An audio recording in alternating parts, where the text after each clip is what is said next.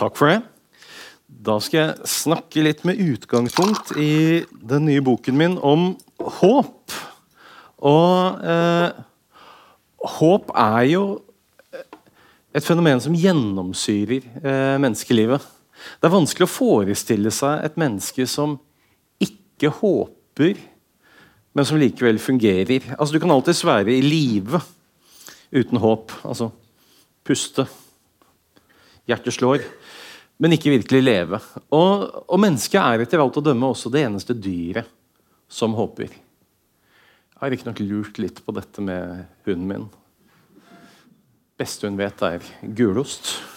Og hun kan ligge altså, på soverommet, helt annet del av leiligheten, under flere dyner. Men så fort den gulostpakka er på kjøkkenbenken, så sitter noen ved siden av meg. Og så håper hun på å få ost. Jeg tror egentlig ikke det. Jeg tror bare hun har veldig veldig lyst på. Jeg tror ikke hun forestiller seg at hun kanskje ikke får. Eh, og det skyldes nok også at det å håpe er forbundet med så mange andre egenskaper som vi bare har grunn til å tro at mennesker har. Som f.eks. språkevne. Språket gjør det mulig for oss å representere det som ikke er der. Og eh, Håp det er noe som må læres, det er noe som må videreutvikles. Det er ikke helt enkelt å si når vi begynner å håpe. Det er noe som kommer til etter hvert, men jeg tror aldri det er en forelder som har uttalt setningen 'I dag håpet min sønn for første gang'. Det ville være en veldig rar ting å si. Men det er en evne, det er en ferdighet vi utvikler etter hvert. Og Håp omtales ofte som en følelse og det har helt klart en emosjonell side, men håpet er vel så knyttet til fornuft som til følelser. Vi kan si at Håpet står med én fot i følelsenes verden og én fot i fornuftens. Og Håp som sådan er ikke noe vi kan beskrive som verken rasjonelt eller irrasjonelt. Man kan håpe godt eller håpe dårlig. Og håp det er noe jeg skal komme tilbake til, er slett ikke det samme som optimisme. Og man kan helt fint være pessimistisk og håpefull. Eh, men altså, Du kan være en velfungerende pessimist, men uten håp kan du neppe fungere godt som menneske. Og det er klart, Når man begynner på en bok, så er det også en prosess fylt av håp. Ikke sant? Å skrive er å kartlegge og gi form til noe uforstått, med håp om på et eller annet tidspunkt å nå frem til den klarheten man søker. Altså, jeg skriver for å tenke. Noen ganger lykkes det. Noen ganger går det slett ikke som man håper. Jeg har mange havarerte bokprosjekter eh, bak meg også, hvor eh, det forløsende aldri kom frem.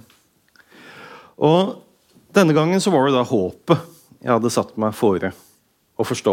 Og Det er kanskje på tide også at jeg skrev denne eh, boken, for den ble annonsert for meg selv, i hvert fall, for 15 år siden. Da jeg skrev en bok om frykt. Og siste setning i førsteutkastet til den boken var Kanskje det vi trenger, og det jeg burde ha skrevet, er en håpets filosofi fremfor en fryktens filosofi. Den setningen insisterte forlagsredaktøren min på at jeg skulle stryke, for hun syntes ikke det passet seg å skrive i boken at man burde ha skrevet en helt annen bok enn den man faktisk hadde skrevet. Eh, og så ble den tanken rett og slett liggende ubearbeidet i 15 år. Men så kom 24.2 i fjor, og da satt jeg egentlig og skrev på en helt annen bok. Og Da den invasjonen var et faktum, så var første tanke at nå ble det mørkt her. Og den neste tanken var bare eh, Å bli slått av det enorme håpet som ble mobilisert i den ukrainske befolkningen. Selvsagt sammen med fortvilelse, raseri og en hel masse annet. Eh, men håpet var den følelsen som egentlig sto frem mest. Håpet om at de ville kunne stå imot det angrepet fra den militære overmakten. Samtidig så tenkte jeg at er det håpet her nærmest bare en form for galskap gitt overmakten de var stilt overfor. Og som den nerden jeg er, så gikk jo eh, tanken raskt til den antikke greske historikeren Tykkedid og hans beskrivelse av det atenske felttoget mot Melos. For der, der, der var det helt klart at atenerne var fullstendig overlegne militært.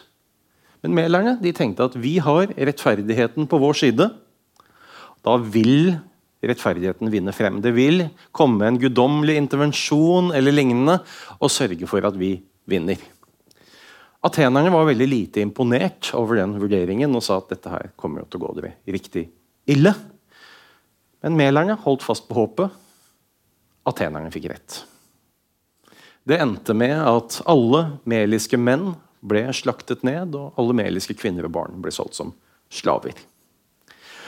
Og Moralen her, når Tøkkedid skriver om det i verket Peloponneserkrigen, det er jo at håp er i bunn og grunn ikke noe annet enn en form for irrasjonalitet som fører til ens undergang.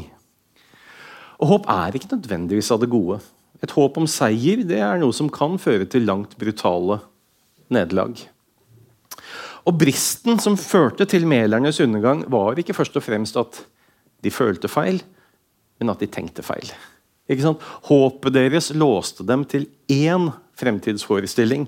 Det låste dem til en tanke om at de ville vinne når de var dømt til å tape. Så Problemet var ikke at de håpet, men i en viss forstand at de håpet dårlig. Hvis de hadde håpet bedre, så kunne de også handlet og tapt bedre på en måte som ikke var like totalt destruktiv. Hvorvidt det samme kommer til å skje denne gangen Nei, altså, Jeg vil jo si at det ukrainske håpet umiddelbart uh, syntes å være ute av proporsjon med hva det var grunnlag for å håpe på. Men det er altså det at håp, i likhet med mange andre emosjonelle fenomener, de har en tendens til å smitte. Og veldig mange andre ble smittet av ukrainernes håp. Deriblant oss. Altså, vi begynte å håpe med dem. Og håp forplikter. Eh, så når vi da også håper med dem, så forplikter det også oss til å handle på en måte slik at vi kan bidra til at det går som vi håper, sammen med dem. Og, men det store spørsmålet her om hvorvidt håpet er en velsignelse eller en forbannelse for oss, det er ikke helt opplagt. Når man leser antikkens grekere, de er gjennomgående veldig skeptiske til håp. Det er noen unntak, men stort sett er skepsisen dyp. Og I myten om Pandora, slik den fortelles av Hesiod, så fikk Pandora Og navnet hennes betyr jo ironisk nok allgave. Eh, hun fikk jo en lukket krukke, og hun fikk den av Sevs. Pandora var ikke den skarpeste kniven i skuffen, for alle vet at Ta for Guds skyld ikke mot en gave fra Sevs. Det kommer aldri noe godt ut av det. Og Dernest så var hun jo advart mot å åpne denne krukken. Derfor er det veldig tydelig i teksten det er en krukke, det er ikke en eske. Så, ja. Eh, men Pandora klarte jo ikke å la være. Tok av lokket. Og da, det som jo da strømmet ut av denne krukken, var krig, sykdom, lidelse osv. som menneskene inntil det tidspunktet hadde vært forskånet for. Alt dette slapp hun løs på menneskeheten. Men da hun så hva hun hadde sluppet løs, så tok hun på lokket igjen så fort hun kunne. Og det var én ting som ble igjen i denne krukka, og det var det grekerne kalte elpis, som vi gjerne oversetter med håp. Og Siden har man krangla om hvordan den myten skal forstås. Myten er så knapt fortalt at det er veldig vanskelig og si egentlig hva som skulle være den riktige tolkningen. Var dette håpet som ble igjen, nok et onde som vi ble forskånet for? Var det et gode som var innimellom alle ondene for å sukre den bitre pillen en smule, eller hva var egentlig Hva prøver egentlig denne myten å si oss? Og så er det at Myten står grunnleggende åpen, og myten lar også stå helt åpent om håpet er av det gode eller det onde for oss. Nietzsche kommenterer senere den myten, og han faller entydig ned på at håpet er av det onde for oss. Han sier faktisk at håpet er det største av alle onder. Eh, og det er det fordi det forlenger våre lidelser. Altså, det, hå- on- altså eh, Håpet det er et onde, ifølge Nietzsche, som seiler under falsk flagg og fremstår for oss som et gode. For vi ønsker å håpe på en bedre fremtid, og så består ondet i at håpet alltid gjøres til skamme. Så vi tenker umiddelbart på håp som noe positivt i dag. Vi pleier i hvert fall gjerne å gjøre det, men når vi ser bakover i filosofihistorien, så ser vi at meningene har vært delte om akkurat det. Men hva er håp, da? Altså, Håp må for det første knytte seg til et utfall som verken er sikkert eller umulig. I dagligtalen så bruker vi uttrykk som håpe og ønske om hverandre. og Det er ikke noe problem i dagligtalen. Fører ikke til noen misforståelser. Men hvis vi vil ha en mer presis avgrensning mellom dem, så kan vi si at de begge retter seg mot noe vi oppfatter som positivt, men som det ikke er sikkert at vi vil oppnå. Forskjellen her det er at jeg bare kan håpe på noe jeg oppfatter som reelt mulig, mens jeg kan ønske meg nøyaktig hva som helst som jeg kan tenke meg. Kanskje håp kan betraktes som en mellomting mellom å ønske og ville. Det er mer enn et ønske fordi det må være reelt mulig, men det er mindre enn å ville, for jeg kan faktisk ikke vite at jeg klarer å gjennomføre det. At det går som jeg håper. Det er ikke kun opp til min handlekraft. Så forskjellen på håp og ønskedrømmer det er jo at så lenge jeg er i ønskedrømmens verden, så behøver jeg ikke forholde meg til noen realiteter. Ønskedrømmen begrenses ikke av det reelt mulige. Det holder at det er logisk mulig, at det er tenkelig. Jeg kan f.eks. ønske meg at jeg ville for synes at det hadde vært veldig morsomt hvis jeg nå kunne bare lette fra gulvet her og begynne å levitere og sveve rundt i rommet snakke, mens jeg snakker til dere. Det hadde vært veldig morsomt. Jeg kunne alltids ønske meg det. Eh, men jeg kan ikke håpe på det, for jeg er sørgelig innforstått med at det er noe som heter tyngdekraft, som knytter meg veldig kontant til dette gulvet. Eh, så håpet det må begrense seg til det reelt mulige. Og Ønskedrømmen den kan også forestille seg at noe skjer som ved et trylleslag. Mens håpet også må forholde seg til hvordan noe kan faktisk bli virkelig. Og Det skylder også håp fra eksempel, Jeg har notert meg at det er veldig mange influensere som er veldig opptatt av manifestering for tiden. At Hvis du forestiller deg et eller annet, så skal det bli sånn. Eh, det er en veldig rar tanke. Eh, som om mine tanker skulle ha en eller annen magisk evne til å transformere verden slik at den går min vei. Ikke sant? Håpet eh, må begrense seg mer. Ikke sant? Håpet må også se for seg mulige veier til målet. Og håp er som vi også skal se, noe som veldig typisk nedfelles i, i handling. Så håp det må knytte seg til forestillingen om en tilstand der noe ønskelig inntreffer, men hvor det er usikkert om det faktisk inntreffer. Eh, dessuten så må det være en betyd, en viss betydning for deg. Du må bry deg om hvordan det går. Du kan alltid ha forestillinger om hvordan noe vil utspille seg i fremtiden, men hvis det er ett fett for deg hvordan det går, så kan du ikke si så håpe. Så til dette om håp er en følelse. Altså, det avhenger jo av hva man legger i uttrykket følelse. Det er veldig vanskelig å avgrense øh, følelse på, en entydig og, grei måte. Eh, og I dagligtalen så omtales ofte håp som en følelse. Jeg føler meg håpefull. Og det er klart, Håpet har emosjonelle aspekter, men det skiller seg også fra veldig mange andre følelser ved at rasjonaliteten vår er så sterkt involvert. Og Hvis vi også snakker om liksom, å miste håp Det du har mistet da, det er ikke bare en følelse. Du har også mistet en grunn til å håpe. Ehm, så håp det er noe som er knyttet vel så mye til våre rasjonelle som til våre emosjonelle evner. Håpet er noe som står med ett bein i følelsenes verden og ett bein i fornuftens verden. Akkurat som det står med ett bein i nåtiden og ett bein i fremtiden. Og i håpet så er hele menneskets tanke og følelsesliv involvert. Og det å håpe er ikke bare å avvente, å lene seg tilbake for å se hva som skjer. Men også å la seg trekke mot fremtiden. Og håpet påvirker handlingslivet mitt fordi jeg i det minste delvis handler som om den ønskede fremtiden vil finne sted. Altså Forestillingen om fremtiden eh, virker jo inn på hvordan vi oppfatter nåtiden. De disponerer oss for å handle på bestemte måter. Håpet er en foregripelse. Det trekker deg inn i en forestilt fremtid der det du håper på, er realisert. Så vi kan si at håpet foregriper der en forventning egentlig avventer. Og håp det vil ofte manifestere seg i handling.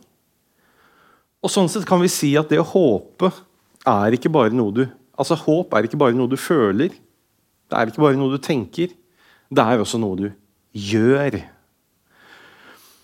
Og når håp fører til handling, så vil det også alltid være knyttet til en innsikt i begrensningene ved handlekraften vår.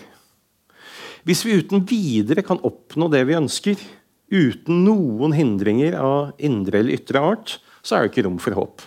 Da er det bare å gjøre det.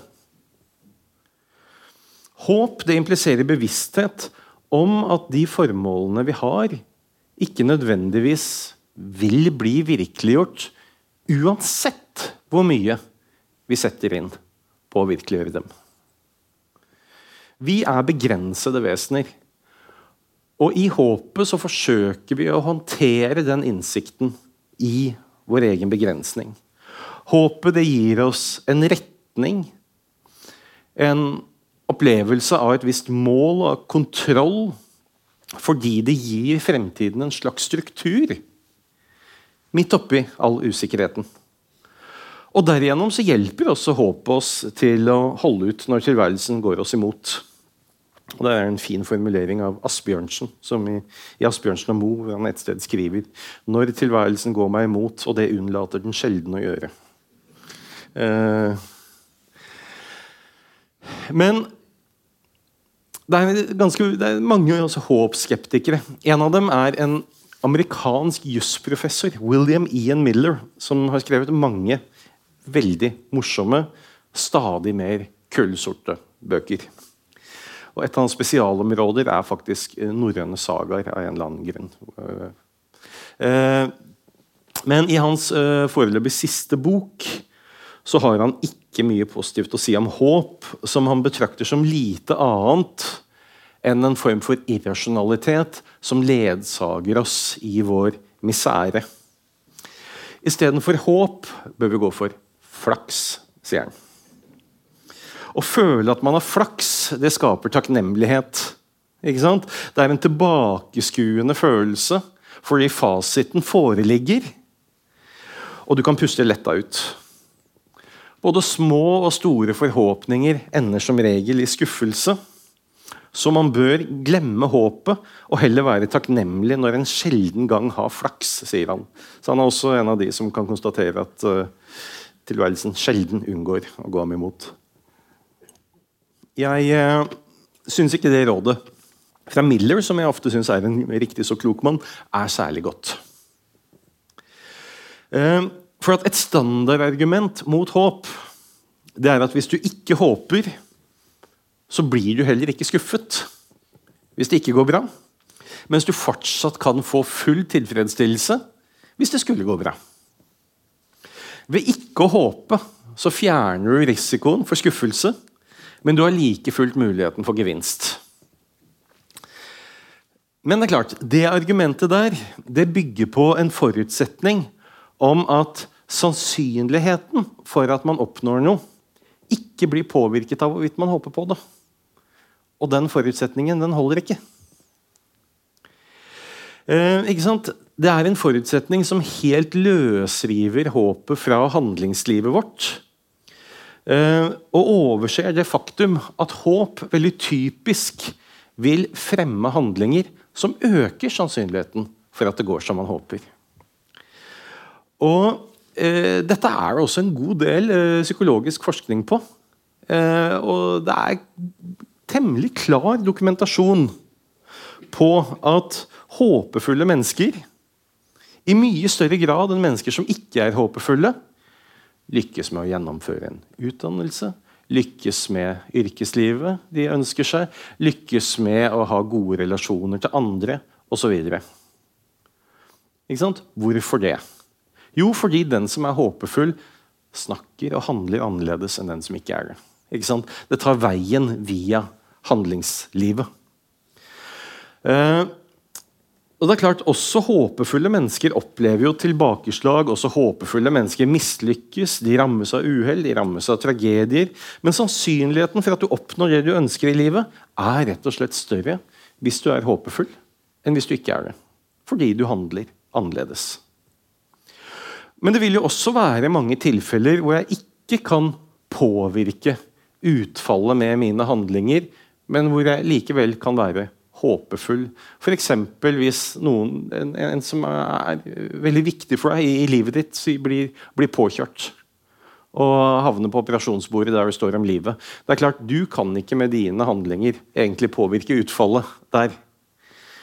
Eh, og I sånne tilfeller så kunne man kanskje tenke seg at håpsskeptikerens regnskap er litt mer overbevisende. Men jeg tror ikke det holder der heller. Bl.a. fordi håpet kan også være til en trøst for oss i vanskelige situasjoner. Håpet gir blikket ditt et feste i noe oppnåelig der fremme som overskrider den vanskelige situasjonen du er i nå. Og da faren min fikk eh, kreft, så holdt håpet ham gående. Jeg eh, husker jeg fulgte ham til legetimen. Eh, hvor han fikk en veldig nedslående beskjed. Fordi kreft langt nede i spiserøret har en forferdelig dårlig prognose og et veldig utrivelig sykdomsforløp. Og legen vi snakket med da, han var åpenbart veldig, veldig opptatt av ikke å skape falske forhåpninger. Problemet var jo at han eliminerte absolutt alt som kunne minne om håp. Ikke sant? Eh, Problemet med det er jo i og for seg at fremtiden lukker seg helt. Du kan egentlig bare legge deg ned og vente på det uunngåelige. Heldigvis fikk faren min en ny lege. Og denne nye legen la på ingen måte skjul på hvor dårlig prognosen her var. Men han pekte også på visse muligheter. Det var visse ting som kunne gjøres. Og ikke minst så ga han faren min en oppgave. Nemlig at han måtte holde seg i god form, sånn at han i det hele tatt ville tåle en veldig omfattende operasjon. Og han ville måtte trene seg opp ganske skikkelig i etterkant etter den omfattende operasjonen. Så plutselig så åpnet fremtiden seg igjen. ikke sant? Det var noe som skulle gjøres. Noe som også kunne føre til et annet utfall.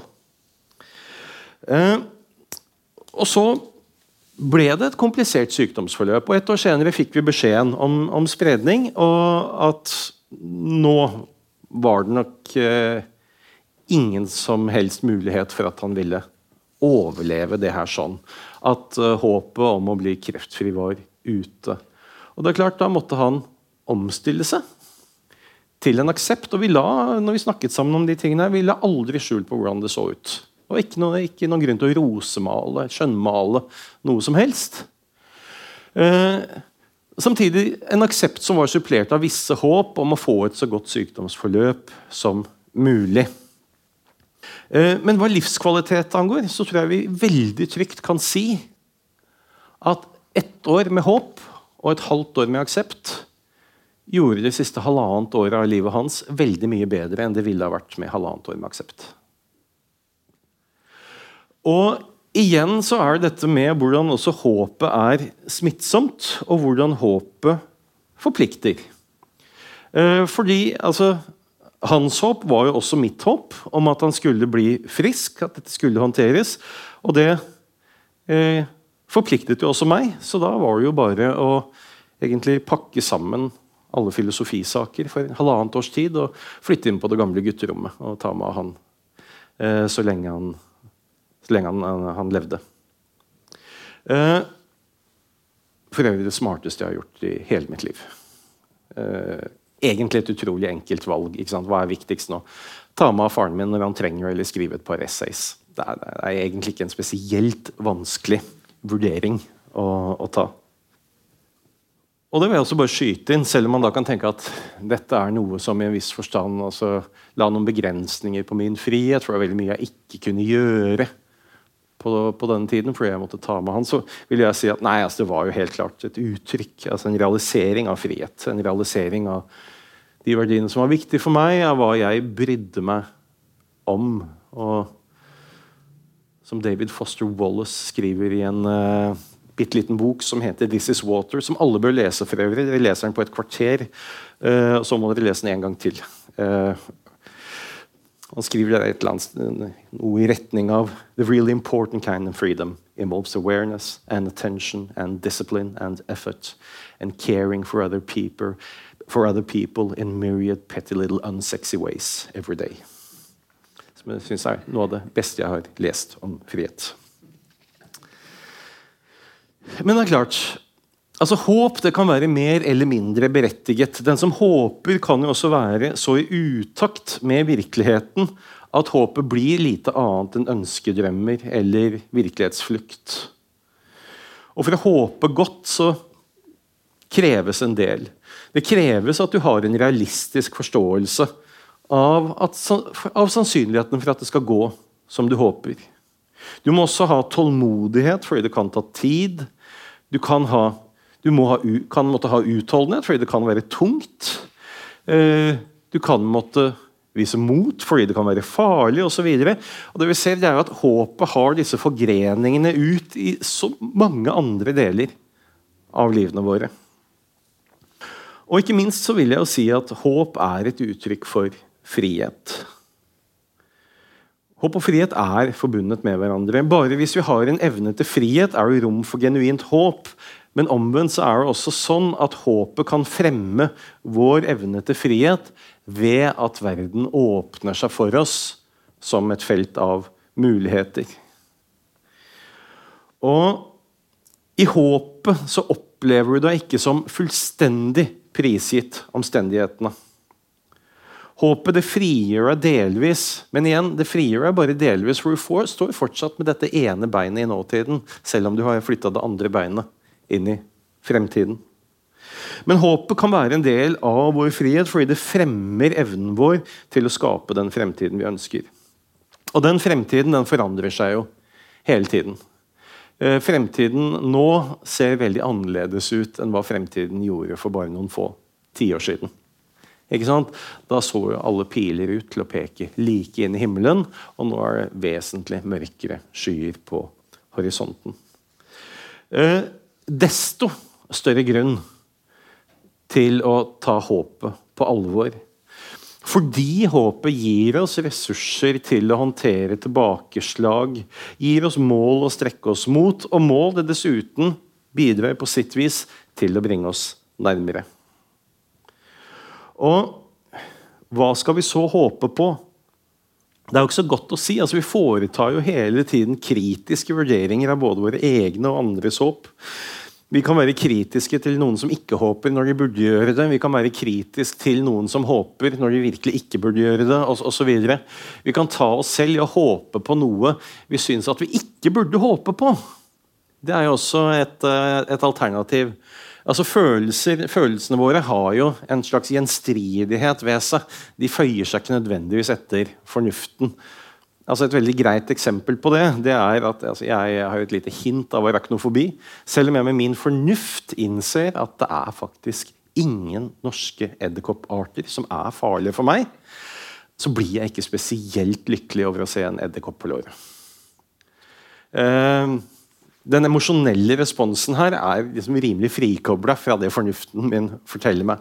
Tilsvarende med håp så kan vi også håpe på noe vi synes at vi ikke burde håpe på. Det kan f.eks. være sett nå at du har en nabo som du misliker ganske sterkt, og så står han høyt oppe på en stige og maler en husvegg. Eh, hvor du jo kan ta deg selv i å håpe på at han faller ned eh, fra den stigen som ser ut som den står litt ustødig. Samtidig som du tenker at dette burde jeg virkelig ikke håpe på. Så liten bør jeg ikke være. Men noen ganger er vi så små. Eh, Men vi kan uansett foreta altså, kritiske vurderinger av hva vi håper på. Og Aristoteles eh, skiller mellom det å håpe godt og det å håpe dårlig. Han er den første som foretar det, det skillet. Og eh, Det er ikke forbilledlig klart, det han skriver om det, men han sier f.eks. at unge mennesker de er skikkelig dårlige til å håpe. De har møtt altfor lite motgang her i livet, så de er overdrevent optimistiske og har rett og slett null dømmekraft.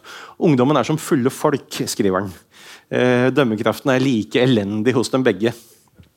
På den annen side så sier han at når vi blir eldre, da, blir, da har vi gått på så mange skuffelser i løpet av livet at vi så å si også lar fremtiden lukke seg for oss og egentlig henfaller til å bli tilbakeskuende og selvopptatte. Ikke noe av dette er å håpe godt. Dessverre så sier han ikke så veldig mye om hva det vil si å håpe godt. Men han har et eksempel på det, og det er eh, erfarne sjøfolk som er ute på sjøen når det er virkelig uvær, når det er farlig. Og Han sier at de kan håpe godt i kraft av at de har erfaring. Ikke sant? De har en erfaring som uh, fører til at de kan foreta en fornuftig vurdering av situasjonen de er i. De innser at dette her kommer ikke nødvendigvis til å gå bra, men de kan også tenke at hvis vi gjør sånn og sånn, og sånn, så kan vi håpe på at det går bra. Så et godt håp fra Aristoteles må være knyttet til erfaring, til å ha en fornuftig forståelse av hva slags situasjon man er i. Uten et sånt fundament så vil håp være irrasjonelt. Et problem her det er jo at håpet i seg selv veldig lett vil føre til at vi overvurderer sannsynligheten for et godt utfall fordi det gir vår bekreftelsestendens vind i seilene. Eh, psykologene liker jo gjerne å ta æren for å ha påvist bekreftelsestendensen i, hos mennesker, men vi filosofer var først. Francis Bacon skriver om eh, dette. At vi har denne sterke iboende tendensen til å legge veldig stor vekt på det som bekrefter de oppfatningene vi allerede har, og så ser vi bort fra alle avkreftelsene. Sånn er vi skrudd sammen.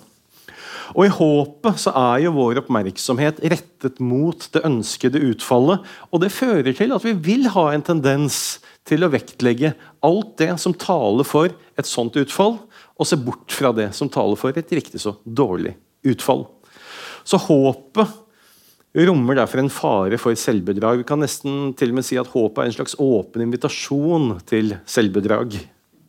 Og På samme måte som mot kan utarte til overmot, så kan vi kanskje si at håpet kan utarte til overhåp.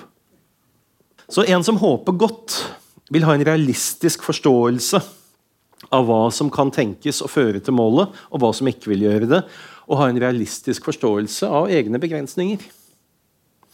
Å håpe godt det er mer enn bare å forestille seg et ønsket utfall. Det er også å forestille seg mulige veier uh, som kan bringe oss fremover mot målet.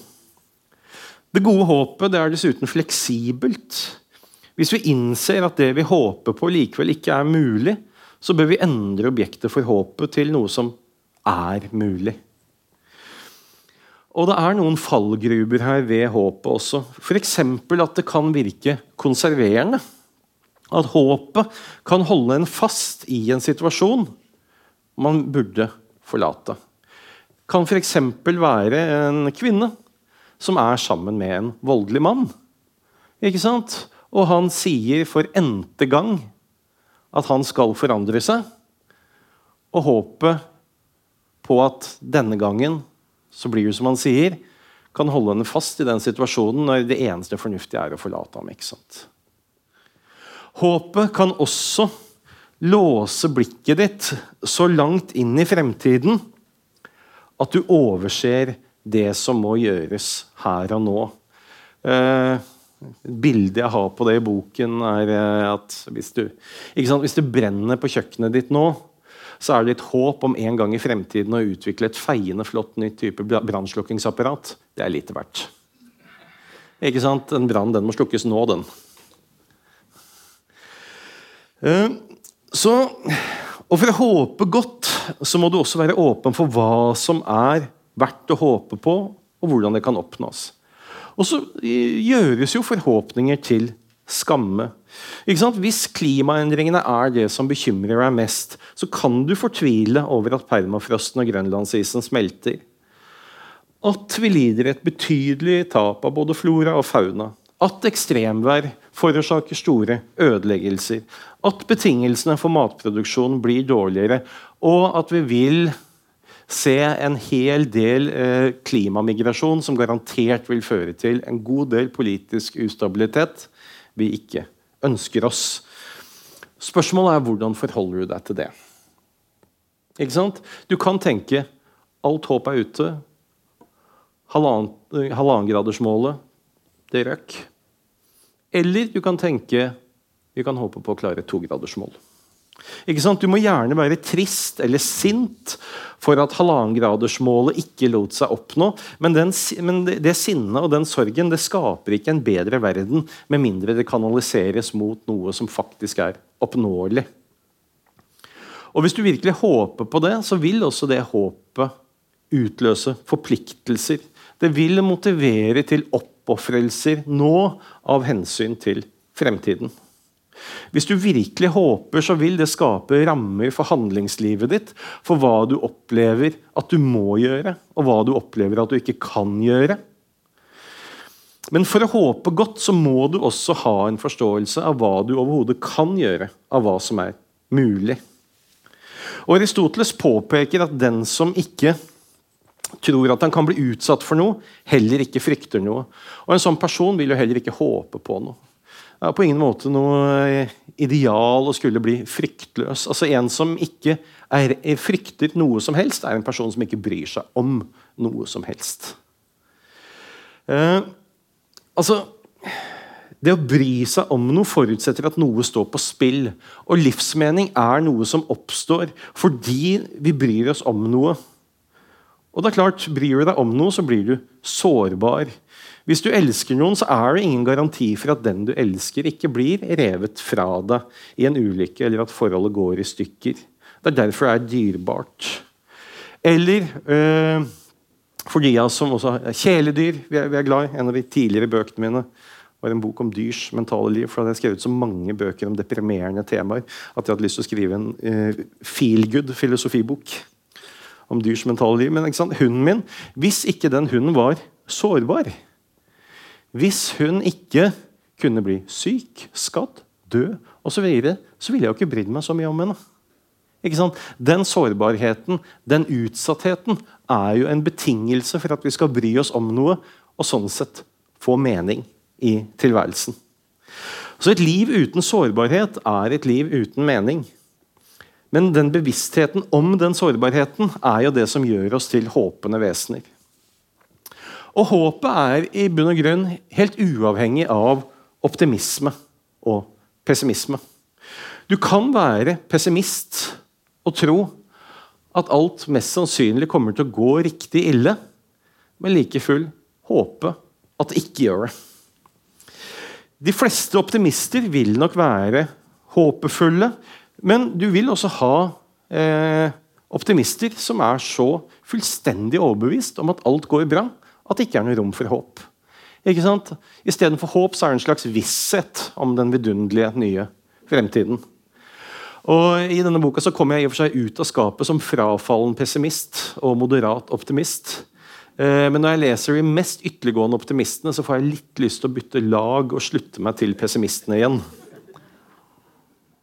Eh, altså, Noe av problemet med både den rendyrkede optimisten og den rendyrkede pessimisten, altså de som nærmest mener å vite at det går bra eller dårlig, er jo at de gjør krav på et slags overblikk over verden som ikke er noen av oss forunt. Vi vet faktisk ikke hvordan det kommer til å gå. Så enkelt er det. Og håpet er ikke tilgjengelig for noen av dem. Mens moderate pessimister og ditto optimister de aksepterer at overblikket vårt alltid er begrenset. Vi kan aldri kjenne verden i dens totalitet. Vi vet faktisk ikke sikkert hvordan dette kommer til å gå. og Derfor er håp mulig. Om man så ender opp som pessimist eller optimist, det tror jeg egentlig er mest av alt et slags spørsmål om intellektuelt temperament. Det er egentlig ikke noe tvingende argumenter for å bli det ene eller det andre. Eh, men filosofen Karl Popper han skriver det at vi har en plikt til å være optimister.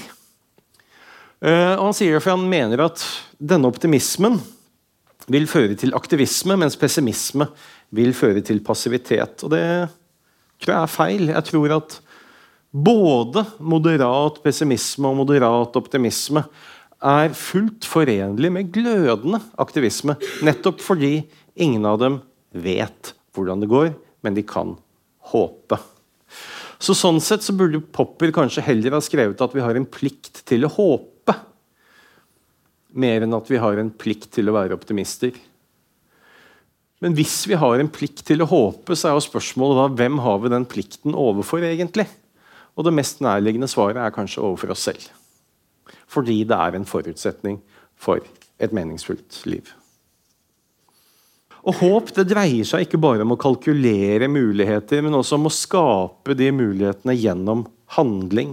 Mening i tilværelsen er ikke bare noe som blir gitt deg, men noe du skaper ved å ta del i verden med alle de begrensningene som ligger på den deltakelsen din.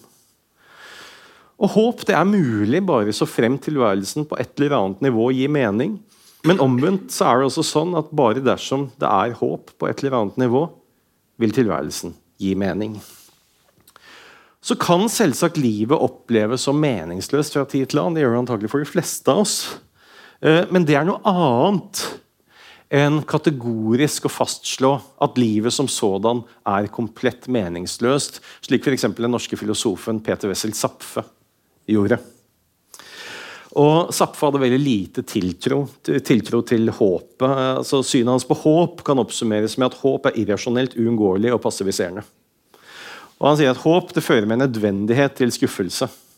Hvis det ikke går som du håper, da vil du bli skuffet. Og hvis det går som du håper, så vil du også bli skuffet. Eh, så Zapfe mente at menneskeheten egentlig bare hadde ett eneste fornuftig valg å ta, og det var å slutte å reprodusere seg og dø ut som art. Eh, en, en, en, venn av meg vokste opp i nabolaget til, til Zapfe for øvrig, og de var alle livredde for den gamle mannen med den sorte frakken som så så bister ut. Men de skulle bare visst hvor morsom Zapfe faktisk var. Eh, altså En tilsynelatende triviell innvending mot Zapfe er jo at tilværelsen tvert imot fremstår som uhyre meningsfull. Og ikke bare det. Jeg vil påstå at Zapfe selv opplevde tilværelsen som meningsfull. Ikke minst når han eh, henga seg til det friluftslivet og den fjellklatringen han var så opptatt av gjennom hele livet. Riktignok skriver han i en artikkel at tindesporten er meningsløs som selve livet. Derfor kan dens trolldom aldri dø. Men fjellklatringen den var utvilsomt noe Zapfe brydde seg om. Og hva er vel det å bry seg om noe annet enn å oppfatte det som meningsfylt. Og De fleste av oss bryr seg om ganske så mye i tilværelsen. Og stilt opp mot en sånn erfaring av at vi har dette å bry oss om, vi opplever denne livsmeningen, så fremstår påstander om livets meningsløshet som litt kuriøse. Og Det synes for meg som om meningsfornektere som Zapfe de stiller et slags ekstra spørsmål, der det ikke bare dreier seg om opplevd livsmening, men om meningen med den meningen. Altså Det er spørsmål om en slags metamening. Og jeg tviler sterkt på om det ekstra spørsmålet er særlig meningsfylt. Jeg vil snarere si at det er et slags spørsmål hvor man ikke aner hva i all verden som skulle vært et svar. Også jeg kan jo ta meg selv i å tenke at det er meningsløst at jeg skal dø. At alle de erfaringene jeg har gjort i løpet av livet, skal bli til ingenting. At alle jeg elsker, skal dø. At absolutt alle spor etter oss skal viskes ut. Men jeg kan egentlig ikke se at det ugyldiggjør den meningen vi opplever mens vi faktisk er her. Ikke sant? Håp gir mening. Forsvinner den meningen hvis håpet ikke oppfylles? Nei, i grunnen ikke. All den tid det opplevdes som meningsfullt underveis. Så Noe av problemet til meningsfornektere som Zapfe det er jo at de egentlig ikke klarer å finne noen helhet som de kan plassere eh, de enkelte deler i, selv om de nok kan medgi at enkelte av disse delene i det minste kan gi et slags skinn av mening. Selv vil jeg påstå at veldig mange av disse delene er meningsfulle, og at de kan settes inn i en større sammenheng, og den større sammenhengen er rett og slett vår tilmålte tid her på kloden. De utgjør en slags fortelling sammen med alle de meningsløse delene av fortellingen. Og håpet bidrar til å binde livet sammen til en slags helhet, også fordi det knytter fremtiden til nåtiden. Altså Nåtiden er jo bare et sånt bevegelig punkt som hele tiden eh, forsvinner. Eh, nåtiden fylles med mening av fremtiden og fortiden. Ingenting er mer meningsløst enn å skulle leve helt og fullt i nuet. Håp forplikter. Og forpliktelser er det som mer enn noe annet gir tilværelsen mening. Og hva du håper på, vil være uttrykk for dine verdier, for hva du betrakter som verdifullt. Hva bør du så bry deg om? Ja, det får du finne ut av sjøl.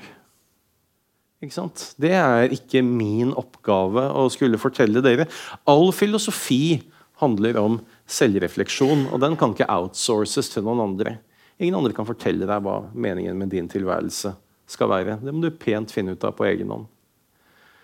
Uh, men hvis jeg skulle gi en liten pointer så vil jeg jo si at hvis du er som folk flest, og folk flest er faktisk som folk flest, til tross for at folk flest tror at de ikke er som folk flest eh, Hvis du er som folk flest, så vil en veldig veldig stor del av din livsmening være knyttet til din relasjon til noen ganske få mennesker. Da er du som folk flest. Men det er ikke gitt at du er som folk flest. Og for å leve vel så må du kunne håndtere de prøvelsene som livet uvegerlig byr på. Og håpet hjelper oss med det. Den som håper, vil ofte fantasere, forestille seg det som ennå ikke har inntruffet, og bare kanskje vil gjøre det. Og de forestillingene gjør det lettere for oss å håndtere motgang. Men som understreket så er det også avgjørende at, at vi ikke fortaper oss i håpet i den forstand at vi retter blikket så entydig inn i fremtiden at vi overser nåtiden. Og I håpet så ligger en ydmykhet. Det ligger i håpet en anerkjennelse av at så mye av det som er av aller størst betydning for oss i livet, er hinsides vår kontroll. Vi kan gjøre vårt ytterste, og så kan vi håpe. Rettferdigheten seirer ikke alltid. Sannheten overvinner ikke alltid løgnen. Selv om vi gjør vårt ytterste, så vil vi ikke alltid lykkes. Å tro noe annet, det er å henfalle til selvbedrag. Men at det ikke alltid går som vi håper eller ønsker, er selvfølgelig ikke noe godt argument for at vi bare kan gi blaffen. For at vi ikke skulle gjøre vårt ytterste. Å tro at desillusjonen er et bedre eller mer rasjonelt eh, livsideal altså Det er jo også det er ikke noe mer rasjonelt det enn å hengi seg til en eller annen form for overtro, der det finnes en eller annen kosmisk garanti for at sannheten og rettferdigheten alltid vil vinne frem. Begge de ytterpunktene er uten håp. De kjennetegnes nettopp av en visshet om at det vil gå bra eller dårlig. Og Derfor så overser de jo også at sannhet og rettferdighet er oppgaver for oss. Det er oppgaver som er gitt oss. Det er noe vi må realisere. Det er ikke bare noe som gis oss eller nektes oss. Og vi må håpe på å lykkes med å virkeliggjøre dem, vel vitende om at vi ofte vil mislykkes. Så håpet det kan gjøre det lettere å håndtere livets prøvelser fordi det gir blikket et feste. Et sted hvor du kan sette disse prøvelsene inn i en større sammenheng. Du er ikke like prisgitt den smerten du opplever her og nå. Men håpet er også til mer enn bare trøst. Hvis du ikke kan forestille deg at du kan klare noe, så vil du heller ikke klare det. Håp er sånn sett en forutsetning for handling. Hvis du mister håpet, så mister du også evne til handling. Så håpet det er ikke en mental tilstand som på magisk vis endrer verden. Men håpet gjør deg tilbøyelig til å handle slik at det blir virkeliggjort. Håpet det gir deg per definisjon ingen garantier. Men uten håp så er det som kjent helt håpløst. Takk.